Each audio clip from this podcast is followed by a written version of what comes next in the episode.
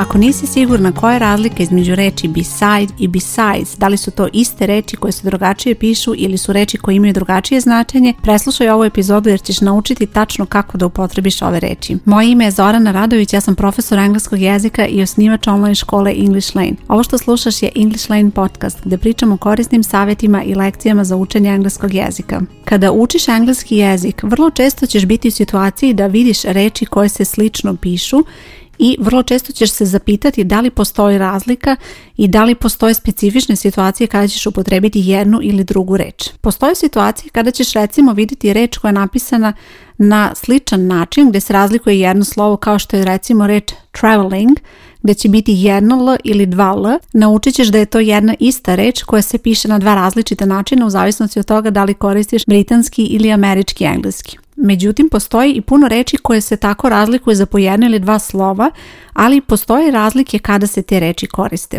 U ovom slučaju imamo reči beside, i besides. I to su dve različite reči i ne mogu da se koriste u istim situacijama, dakle te reči nisu sinonimi, nemaju isto značenje, već se koriste u različitim situacijama. Prvo ćemo krenuti od razlika u izgovoru.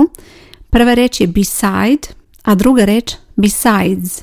Prva u pisanju nema s na kraju, a druga ima i to je prvo što je bitno da obratiš pažnju jer tu već postoji razlika, a sada prelazimo i na značenje. Reč beside je predlog u engleskom jeziku i ova reč znači da je nešto ili neko pored nečega. Umjesto reči beside možeš upotrebiti close to ili next to. Kada kažem da ove reči možeš upotrebiti umjesto reči beside, to znači da ove reči imaju isto ili slično značenje kao i ta reč i možeš ih upotrebiti umjesto te reči. Na taj način možeš sama sebi pomoći da rešiš takvu nedomicu kada imaš da li da upotrebiš beside ili besides jer ćeš probati da umjesto reči koju želiš da upotrebiš upotrebiš neki od sinonima i da na taj način rešiš nedomicu. Poslušaj primjere rečenica. The kitchen is beside the living room. Kuhinja je pored dnevne sobe. I'll sit beside you so we can talk.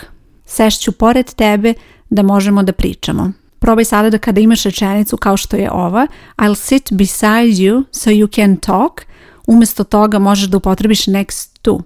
I'll sit next to you so we can talk. Prelazimo na reč besides. Besides je također predlog u engleskom, ali znači pored toga osim toga, izrazi koji mogu da se upotrebe umjesto ove reči su in addition to, apart from. Poslušaj sada primjer rečenice. I can't go, besides, your brother will go with you. Ne mogu da idem, osim toga, tvoj brat će ići sa tobom. Ovo osim toga je na engleskom besides i u toj rečenici ne možeš da upotrebiš beside jer rečenica onda ne bi imala smisla. Ne bi imalo smisla upotrebiti pored na samom početku ove rečenice, već ovu reč sa s na kraju besides. Besides her, who else is going to be there? Osim nje, ko još će biti tamo? I sada jedna brza provera za tebe, imaćeš rečenicu i tvoj zadatak bit će da odrediš da li ćeš upotrebiti beside ili besides. I've got a lot of things to do, pa je sada crtica, nedostaje reč, beside ili besides, talking to you. Rečenica znači imam puno toga da uradim, nešto pa pričam sa tobom. Da li ćeš upotrebiti beside ili besides. Da li se opisuje gdje se nešto nalazi pa bi onda sinonimi bili close to ili next to ili ćeš možda upotrebiti besides sa značenjem in addition to ili apart from. Tačan odgovor je besides. Dakle, ima s, besides. Poslušaj sada još jednom rečenicu kako ona glasi kada se upotrebi ta reč. I've got a lot of things to do besides talking to you. Imam puno toga da uradim pored pričanja sa tobom. U ovoj rečenici umjesto besides možeš upotrebiti apart from. I've got a lot of things to do apart from talking to you.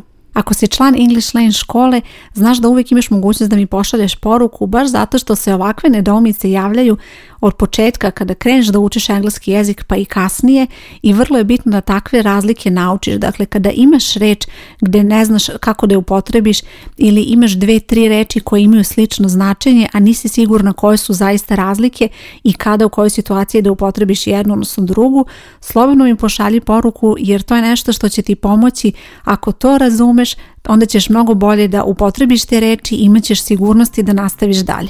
Ako nisi član English škole, a želiš da učiš engleski jezik preko interneta, na ovoj stranici gdje slušaš podcast bit će link ka školi, u pitanju je online škola koja se zove English Lane i na toj stranici ćeš pronaći sve detalje kako možeš da se prijaviš. Hvala ti što slušaš podcast, nadam se da ti je ova lekcija pomogla da rešiš ovu nedomicu i da sada znaš kako da upotrebiš reči beside i besides. Moje ime je Zorana Radović, čujemo se uskoro. Ćao!